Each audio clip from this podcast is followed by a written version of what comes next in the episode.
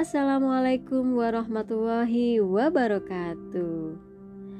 Kembali lagi bersama saya Cica Nabila dan tetap dalam podcast Cica Sukses. Sahabat muslimah, di episode kali ini saya akan melanjutkan pembahasan tentang tema pertarungan pemikiran keniscayaan dalam dakwah. Nah, di episode sebelumnya yang terakhir saya bahas pada saat itu adalah tentang pertarungan pemikiran pada era Nabi Muhammad SAW. Nah, di kali ini yang akan saya sampaikan adalah tentang tujuan pertarungan pemikiran. Sahabat muslimah eh, harus diingat bahwa Dakwah adalah untuk mengubah masyarakat agar sesuai dengan Islam dan bukan untuk mengubah Islam agar sesuai dengan keinginan dan selera masyarakat. Nah, di sini memang mengubah masyarakat itu jauh lebih sulit dibandingkan dengan mengikuti keinginan masyarakat. Oleh karena itu, banyak yang tidak berani menyampaikan Islam karena takut ya, takut ditolak dan takut dimusuhi oleh masyarakat. Namun, jika pemikiran yang menyimpang itu tidak diluruskan, bahkan pemikiran tersebut dianggap benar, sampai kapan pun penyimpangan atau kesalahan itu tidak akan pernah diluruskan. Jika kebenaran tidak disuarakan apa adanya, selamanya kebenaran tidak akan pernah muncul di tengah-tengah masyarakat. Dengan demikian, kita harus menyampaikan Islam apa adanya, tidak dikurangi dan tidak ditambahi. Nah, Islam itu harus disampaikan secara jujur dan jelas, bukan dengan cara yang kabur. Nah, inilah yang akan mengantarkan pada pertarungan yang paling menguras energi, yaitu pertarungan pemikiran. Saudaraku, sahabatku, uh, dakwah itu memang sangat berat.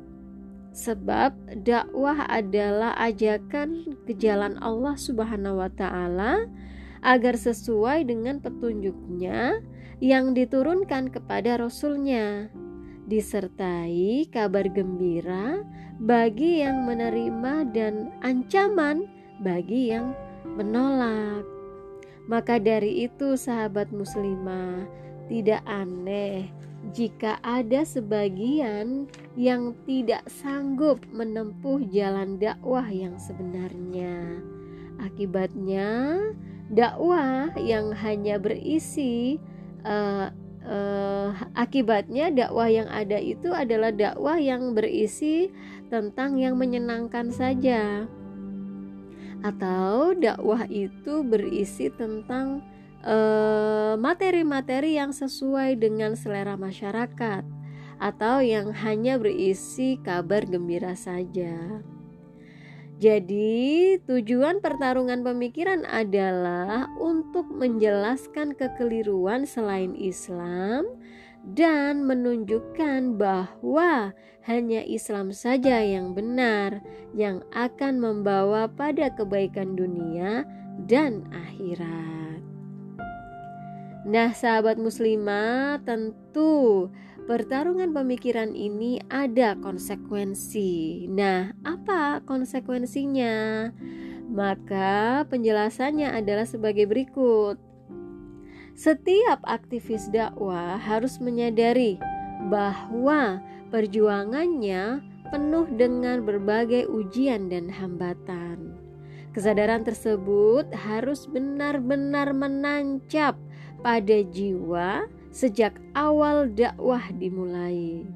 Rasulullah Muhammad SAW sendiri sejak awal dakwahnya sudah memahami konsekuensi-konsekuensi dari perjuangan beliau nantinya. Ketika baru saja menerima wahyu, beliau diajak oleh istri beliau, Khadijah Al-Kubra, untuk menemui Warokoh bin Naufal.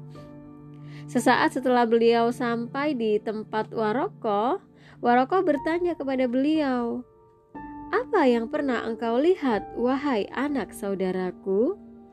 Rasulullah pun kemudian menceritakan apa saja yang telah dia lihat dan dia alami. Nah, setelah mendengar penjelasan Rasulullah, Warokoh berkata, "Itu adalah namus."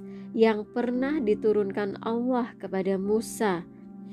Andaikan aku masih muda saat itu, andaikan aku masih hidup tatkala kaummu mengusirmu. Ketika itu beliau langsung bertanya, Benarkah mereka akan mengusirku? Warokoh pun menjawab, Benar, tak seorang pun pernah membawa seperti yang engkau bawa, melainkan akan dimusuhi. Andaikan aku masih hidup pada masamu nanti, tentu aku akan membantu dengan sungguh-sungguh.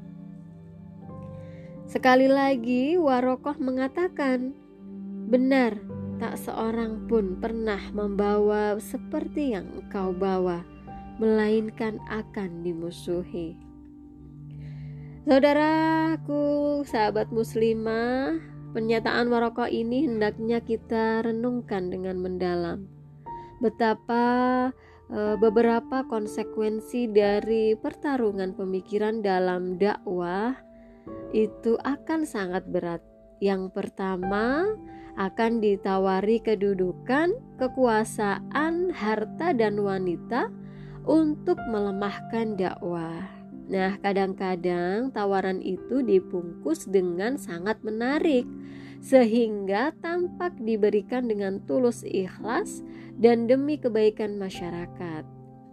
Ketika mereka menawarkan kedudukan, mereka meyakinkan bahwa jika kedudukan strategis itu tidak dipegang oleh orang-orang jujur seperti para pengemban dakwah, maka nanti akan diambil oleh orang-orang jahat yang tidak mengerti agama. Mereka hanya meminta agar sistem yang ada dijaga bersama-sama dalam rangka mengabdi kepada masyarakat dan bangsa. Sangat menyentuh, bukan? Mereka juga kadang-kadang memberikan bantuan dengan satu acting yang sangat menyentuh jiwa. Mereka mengatakan, Ambillah uang ini untuk membangun pondok, madrasah, atau apa saja, biar kebenaran semakin cepat tersebar. Saya ikhlas dan tanpa pamrih apa-apa. Nah, kalau sudah begitu, para aktivis dakwah pasti akan mati kutu. Nah, sedangkan yang kedua dalam konsekuensi pertarungan pemikiran dalam dakwah adalah berupa ancaman-ancaman kepada aktivis dakwah. Para penjaga status quo mengancam dan memenjarakan, menyiksa dan menyumbat, uh, menyumbat pintu rezeki para aktivis dakwah. Rasulullah juga sering mendapatkan ancaman dari orang-orang jahiliyah. Para pemegang sistem jahiliyah pernah mendatangi Abu Talib dan menyampaikan ancaman kepada Rasulullah. Nah, kemudian yang ketiga konsekuensinya adalah jika poin-poin e, kedua tadi gagal, mereka akan merealisasikan ancaman-ancaman dan gertakan-gertakan yang pernah mereka sodorkan.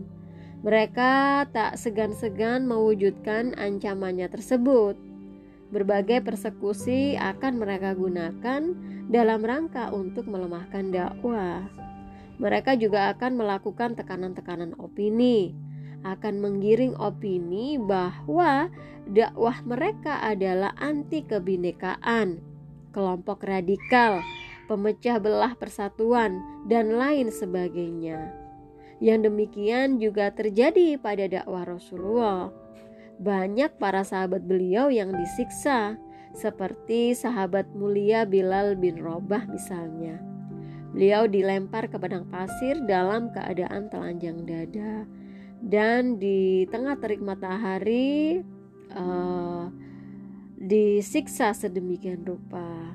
Kemudian yang keempat adalah jika masih gagal, mereka akan melakukan langkah berikutnya, yakni membubarkan dakwah, lalu memboikot, mengusir dan membunuh para aktivisnya. Nah, sahabat muslimah, masih ingatkah kita dengan keluarga Amar bin Yasir? Amar sendiri diseret ke padang pasir yang panas membara, lalu disiksa di sana. Beliau dibenamkan tubuhnya ke dalam pasir yang panas membakar. Bapaknya, Yasir dan ibunya Sumaya ditikam dengan menggunakan tombak hingga meninggal dunia. Mereka juga melakukan pemboikotan terhadap Rasulullah, para sahabat, dan para kerabat beliau. Masa pemboikotan pada saat itu berlangsung selama tiga tahun. Mereka berharap dengan pemboikotan itu umat Islam bisa meninggalkan dakwah. Namun kenyataannya mereka keliru besar. Demikianlah sahabat muslimah yang dialami oleh Rasulullah, sahabat-sahabat beliau dan orang-orang yang senantiasa mengikuti jalan beliau hingga akhir zaman. Dakwah memang tidak perlu mencari-cari jalan agar dipersekusi. Namun, jika berbagai persekusi datang, hendaknya kita mengambil sikap sebagaimana Rasulullah Wasallam dan para sahabatnya yang mulia. Janganlah kamu menghiraukan gangguan-gangguan mereka dan bertakwalah kepada Allah. Cukuplah Allah sebagai pelindung. Quran Surat Al-Azab ayat 48 Demikian sahabat muslimah yang bisa saya sampaikan di episode kali ini. Jumpa lagi dengan saya di episode berikutnya. Billahi taufik wal hidayah. Wassalamualaikum warahmatullahi wabarakatuh.